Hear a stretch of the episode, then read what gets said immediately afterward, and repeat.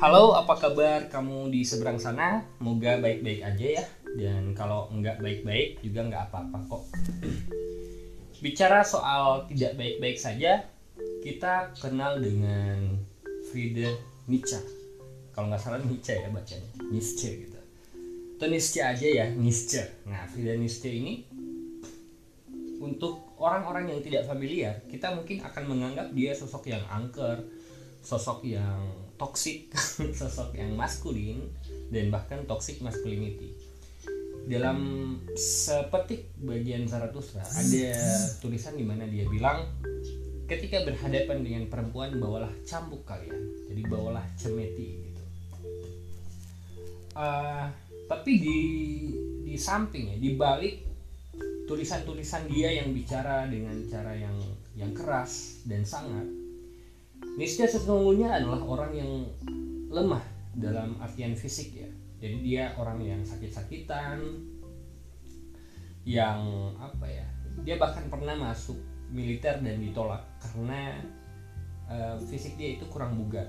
Jadi dia orang yang sakit-sakitan dan hidup dia dipenuhi dengan sesuatu yang bagi kita tidak baik-baik saja. Nietzsche itu memutuskan kemudian untuk mengundurkan diri dari jabatan dia sebagai profesor di filologi pada usia 36 tahun yaitu pada tahun 1879 umur 36 tahun dia udah jadi profesor dia bahkan pensiun dari profesor umur begitu. Nah orang Indonesia buru-buru jadi profesor umur begitu ya. Kita itu mungkin ya uh, bukan mungkin tapi pernah ada curhat dari seorang dosen yang aku kenal di Instagram. Dia bilang orang Indonesia terlalu disibukkan dengan perkara teknis, administratif, dan birokratis. Nietzsche itu zaman dia, dia udah jadi profesor usia 20 tahunan. Tapi kalau di Indonesia jangan-jangan dia itu nggak akan pernah jadi profesor sebelum dia umur 70 tahun. Nah, uh, Nietzsche 36 tahun mengundurkan diri sebagai dari jabatannya. Dia resign karena dia mulai diserang oleh penyakit jadi dia sakit-sakitan dia pernah pusing selama tiga hari dan diikuti oleh batuk berdahak. Um, tak seorang pun yang dapat mendiagnosis apa yang terjadi pada Nietzsche. Nietzsche itu merasa dirinya sakit tapi pas dia ke dokter dokter bilang ah enggak kamu baik-baik aja kok ini nggak ada masalah apa-apa. Tapi sesungguhnya ada sakit yang yang menyerang diri dia. Mungkin karena apa ya? Messi ini kan dia overthinking gitu orangnya jadi mungkin dia psikosomatik gitu. Uh, Messi selalu merasa sakit perut dia selalu letih lesu lunglai asam lambungnya sering naik matanya bahkan sering kabur berhadapan dengan sesuatu. Namun hanya dalam kondisi seperti itulah Nietzsche itu dia menyadari bahwa hanya orang yang sakit dia bisa memahami apa yang penting dalam hidup yang jarang dipahami, jarang dilihat dan ditangkap oleh orang-orang yang sehat. Jadi lewat periode panjang rasa sakit, ia pun berpikir bahwa kesakitan itu justru adalah kekuatan. Ini di buku ini ngomong-ngomong kita lagi bahas buku Friedrich Nietzsche yang arti yang bukunya Mengapa Aku Begitu Pandai. Jadi terdiri dari tiga bagian. Nah dalam konteks ini Nietzsche pun berkata bahwa apa yang tidak bisa membunuh itu akan membuatmu lebih tangguh. Itu adalah mungkin mewakili satu bagian dari bab buku ini ya. Itu babnya judulnya Mengapa aku begitu bijaksana? Terkabur banget ya, songong banget ini. Jadi bagian kedua, mengapa aku begitu pintar dan ketiga, mengapa buku-bukuku bagus. dia yang uh, dia yang tulis, puji-puji diri sendiri juga dia walaupun begitu ya memang sangat menawan sih filsafatnya Nietzsche. Jadi bagian pertama mengapa aku bijaksana? Kebijaksanaan itu bisa kita rangkum di dalam tulisan dia itu kata-kata dia yang mungkin sudah cukup terkenal. Apa yang tak bisa membunuhmu tidak akan membuatmu lebih kuat. Gema ini bisa kita dapatkan ke banyak banyak banyak pemikir bahkan sampai era kontemporer. Kita tahu ada Taleb kita tahu ada Jonathan Haidt. Mereka berdua menggunakan itu sebagai mantra mereka. Jadi Taleb itu menggunakannya dalam soal bahwa ya orang kalau hidup tapi tidak terpapar stresor maka dia akan tumbuh menjadi anak yang lemah. Jonathan Haidt memakai itu dalam bukunya The Coddling of American Mind bahwa orang itu ya justru menjadi kuat lewat rasa sakit justru atau bahasanya Gatot Kaca ya no pain no gain gitu uh, kalau dalam Jonathan Head ya di Calling of American Mind yang juga pernah aku bahas di kanal ini. Jadi ada contoh misalnya pernah di Amerika jumlah alergi kacang itu sangat tinggi sekali. Dan ketika diteliti itu karena memang anak-anak itu dijauhi dari akses anak-anak terhadap kacang itu ditutup. Justru karena kita tidak terbiasa makan kacang, maka kita kemudian cepat alergi dengan kacang. Gampang alergi, alergi dengan kacang. Begitu pula orang yang hidupnya itu seharian mager-mageran tapi di kasur terus dia pun tidak akan punya kekuatan yang cukup eh, raga yang cukup sehat dan tidak cukup bugar karena ototnya itu tidak terbiasa untuk di dijinakan gitu ya. Jadi kalau bahasanya Haruki Murakami otot kita ini adalah binatang yang sebenarnya bisa dijinakan kalau misalnya kadang ya kita butuh cambuk kadang ya kita disiplinkan begitu. Tapi kalau tiap hari misalnya di kasur mager uh, itu akan menjadi hal yang sulit. Tapi dengan apa ya dengan gaya Haruki Murakami tadi kita mencambuk menganggap bahwa otot kita adalah binatang yang terkadang bahkan sering kali sih itu susah dijinakan. Dan menjinakkan berarti adalah menyakiti tubuh kita. Justru dengan itulah kita akan menjadi tangguh. Hal lain dari buku ini adalah uh, ada kata-kata menarik ya yang bukan hanya terdapat dalam buku Nietzsche yang ini juga banyak di buku lain terutama di berhala apa itu judulnya? Pokoknya antikris deh gitu. Jadi Nietzsche itu bikin Nietzsche itu bikin buku tentang antikris. Dia mengkritik kekristenan yang juga adalah agama ya agama yang yang cukup cukup keren di zaman dan tempat di mana dia tumbuh. um, jadi Nietzsche itu mengkritik Tuhan. Kita tahu ya dengan semangat nihilisme dia yaitu untuk meruntuhkan prasasti moral, meruntuhkan landasan metafisika yang selalu kita sematkan kepada Tuhan. Dia menulis, Tuhan adalah jawaban gampangan, jawaban berselera buruk untuk kita para pemikir pada hakikatnya bahkan itu adalah larangan gampangan bagi bagi kita. Jadi seolah-olah dengan ada Tuhan Tuhan pun berkata kamu itu nggak boleh mikir gitu. Jadi ada seolah dalam hal ini ada pengandaian ada dikotomi antara Tuhan dan pikiran gitu. Seolah-olah kalau kita memilih Tuhan kita harus sukarela menyerah dengan pikiran kita dan kalau kita memilih pikiran kita harus sukarela menyerah pada Tuhan gitu ya. Karena justru ya semakin kita sering berpikir atau misalnya ada di buku Ahmad Wahid pergolakan pemikiran Islam dia bahkan sempat resah. Ini Tuhan kenapa kamu memberikan aku nalar? Karena dengan nalar ini pula aku bisa meragukan kamu gitu. Jadi dengan nalar dengan pikiran justru kita akan kesulitan justru untuk memahami membuktikan Tuhan gitu kan. Nah seolah-olah kita harus memilih salah satu nih gitu. seolah-olah ada ada permusuhan antara Tuhan dan pikiran. Ada juga bagian di mana dia bilang bahwa membaca itu adalah rekreasi bagi dia. Jadi Nietzsche, kata Nietzsche, membaca itu rekreasi. Nah, orang Indonesia umumnya kan membaca itu bukan rekreasi ya, tapi lebih ke keterpaksaan. Misalnya besok atau minggu depan mau ujian, kita membaca. Atau misalnya kita terpaksa membaca karena misalnya disuruh oleh seseorang atau misalnya demi kepentingan kerja atau apa kita akan membaca. Tapi Nietzsche itu membaca tidak dengan situasi seperti itu. Bagi dia membaca itu kayak liburan ya kayak rekreasi kayak orang traveling itu membaca bagi dia. Kata dia ya aku udah agak lupa tapi aku parafrasekan membaca itu mirip seperti kita bertualang ke tempat asing kita bertemu dengan jiwa-jiwa lain yang pernah dan mungkin sekarang lagi hidup di dunia yang sama di dunia yang mana kita hidupi. Mungkin karena ini pula dia berkata di bab 2 mengapa aku begitu pintar? Ya takabur banget ya Ria ini. Sini sini. Parah parah. Uh, bagian lain juga adalah soal musik. Dia berkata aku tak tahu membedakan antara air mata dan musik itu sangat menyentuh sih bagiku ya. Karena air mata selain musik air mata itu juga bahasa universal. Orang bisa berkumpul di satu ruangan dan mereka terdiri dari latar belakang negara yang berbeda-beda. Ada yang dari India ada yang dari Indonesia ada yang dari Pulau Mondo ada yang dari Rusia. Tapi ketika satu orang menangis kita akan langsung paham ap, kenapa dia seperti itu gitu. Oh dia berarti mungkin sedih dan lain sebagainya air mata itu ya bahasa universal bagaimana sebagaimana musik.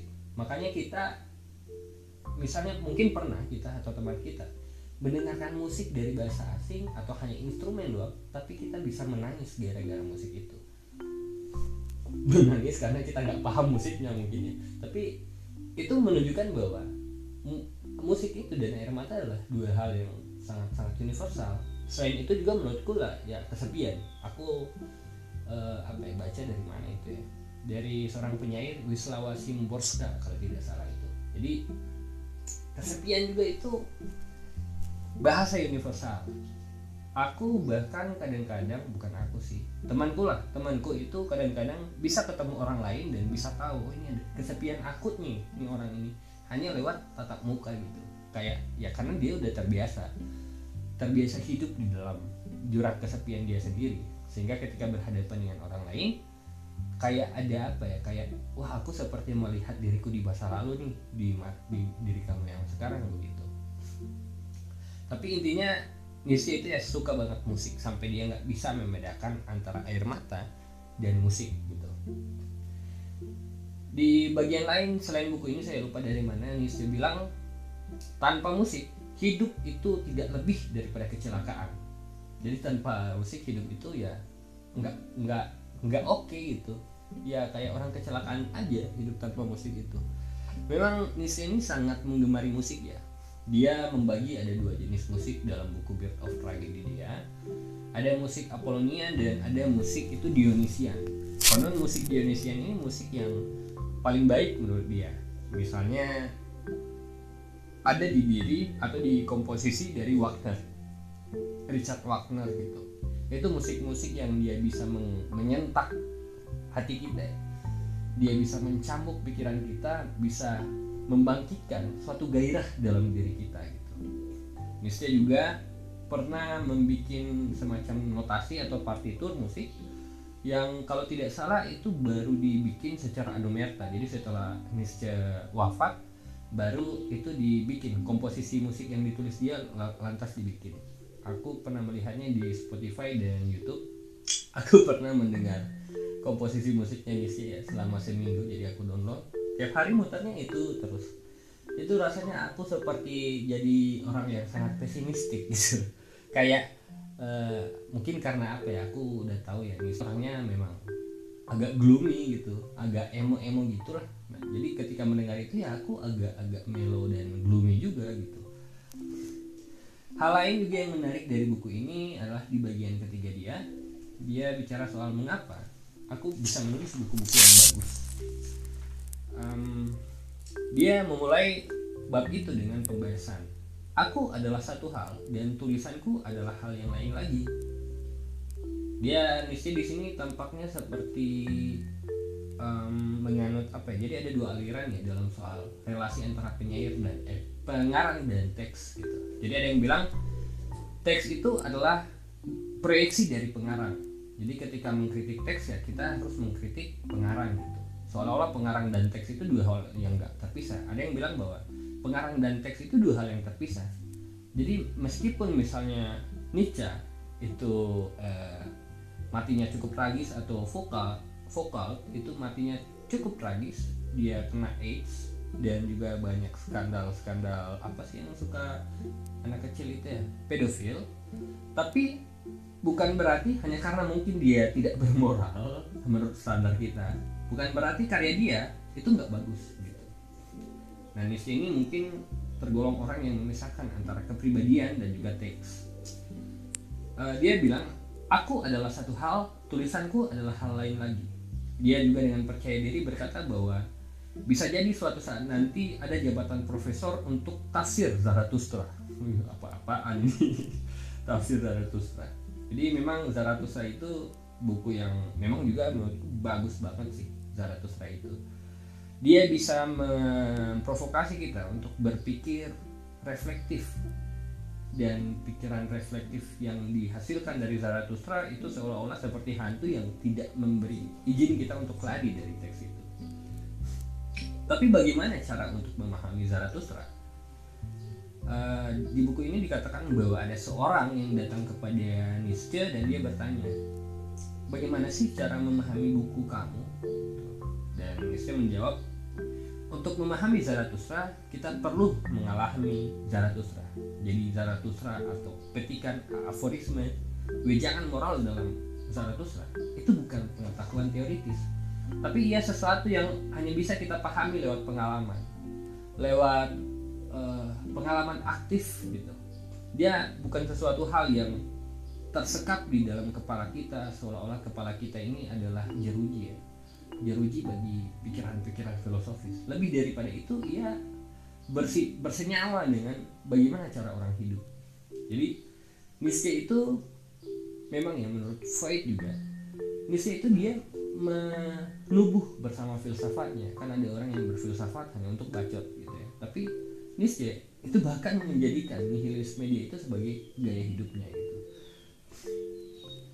Uh, oke okay, paling itu aja sih menurutku soal soal buku ini ya. Mengapa aku begitu pandai? Selebihnya bagian terakhir itu diisi dengan aforisme aforisme aforisme itu kayak tulisan prosaik yang dia punya wejangan moral di situ di situ eh, hal-hal subjektif dan objektif itu bisa saling berkelindan. Ada beberapa hal yang menarik di sini yang aku tandai misalnya ini.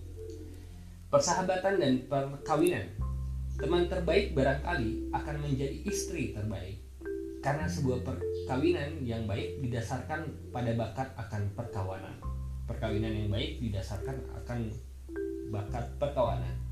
Tidak heran ya uh, orang itu ya memang tidak bisa mempertahankan perkawinan tanpa bakat persahabatan ya. walaupun pada umumnya sering terjadi semakin bergulirnya waktu semakin tumbang tanggal di kalender perkawinan itu justru menjadi sebuah arena permusuhan dan itu banyak terjadi. Kadang juga aku melihat ya bapak ibu aku ya kadang-kadang berantem juga. Tapi ya setelah itu kadang-kadang jadi teman juga gitu ini juga menurutku yang masuk akal ya kenapa dua orang yang berbeda jenis kelamin ketika bersahabat itu sering kali offside gitu ya? Ada yang baper lah atau tiba-tiba jadi TTM gitu. Karena mereka sudah ada pondasinya yaitu perkawanan. Terus apalagi nih menurutku menarik? Rahasia teman. Hanya ada sedikit orang yang ketika kehilangan topik dalam pembicaraan tidak akan membongkar lebih banyak urusan rahasia teman-teman mereka. Jadi ini kayak ya ini relate lah ya sama kita. Kita itu bahkan sering kali tergoda untuk membicarakan aib atau menggosipkan masalah dari teman-teman kita. Ini sering terjadi misalnya ke perempuan. Tapi laki-laki juga sering terjadi kok gitu. Perempuan yang bukan berarti karena perempuan itu adalah apa ya bukan mendiskriminasi ya. Tapi memang secara secara neurologis neurologis. Pokoknya perempuan itu itu suka bergosip dengan topik yang misalnya berhubungan dengan sosial berhubungan dengan pengalaman-pengalaman sosial antar kelompok perempuan. Tapi apakah laki-laki nggak bergosip? Ya bergosip juga. Gosip laki-laki itu kayak politik atau misalnya tinju atau misalnya sesuatu yang bersifat kompetisi gitu. Kalau perempuan memang sesuatu yang bersifat sosial dan itu ya fitrah ya gitu. Tapi laki-laki banyak juga kok dia menggosipkan misalnya kekurangan sahabat-sahabatnya sendiri. Dan itu memang bukan hal yang mudah ya untuk menahan diri terutama untuk orang yang sudah terbiasa bergibah. Untuk menahan diri tidak membicarakan teman baiknya. Ketika ya udah nggak ada topik percakapan lagi gitu. Kayaknya Nietzsche ini sering dijadikan bahan gosipan juga memang sampai hari ini pun kita sedang menggosipkan Nietzsche bukan? Oke baik. Itu aja sih menurutku. Selebihnya kamu bisa melihat ya banyak aforismenya di sini. Di bagian terakhir buku ini. Ini buku yang diterjemahkan oleh Sirka. Buku yang tipis. Tapi kalau kita mau dalami ya sebenarnya kayaknya banyak sih ya. Maknanya ini dari buku ini banyak banget aku ketika membaca buku ini misalnya bagian pertama aku langsung teringat tentang uh, berhala.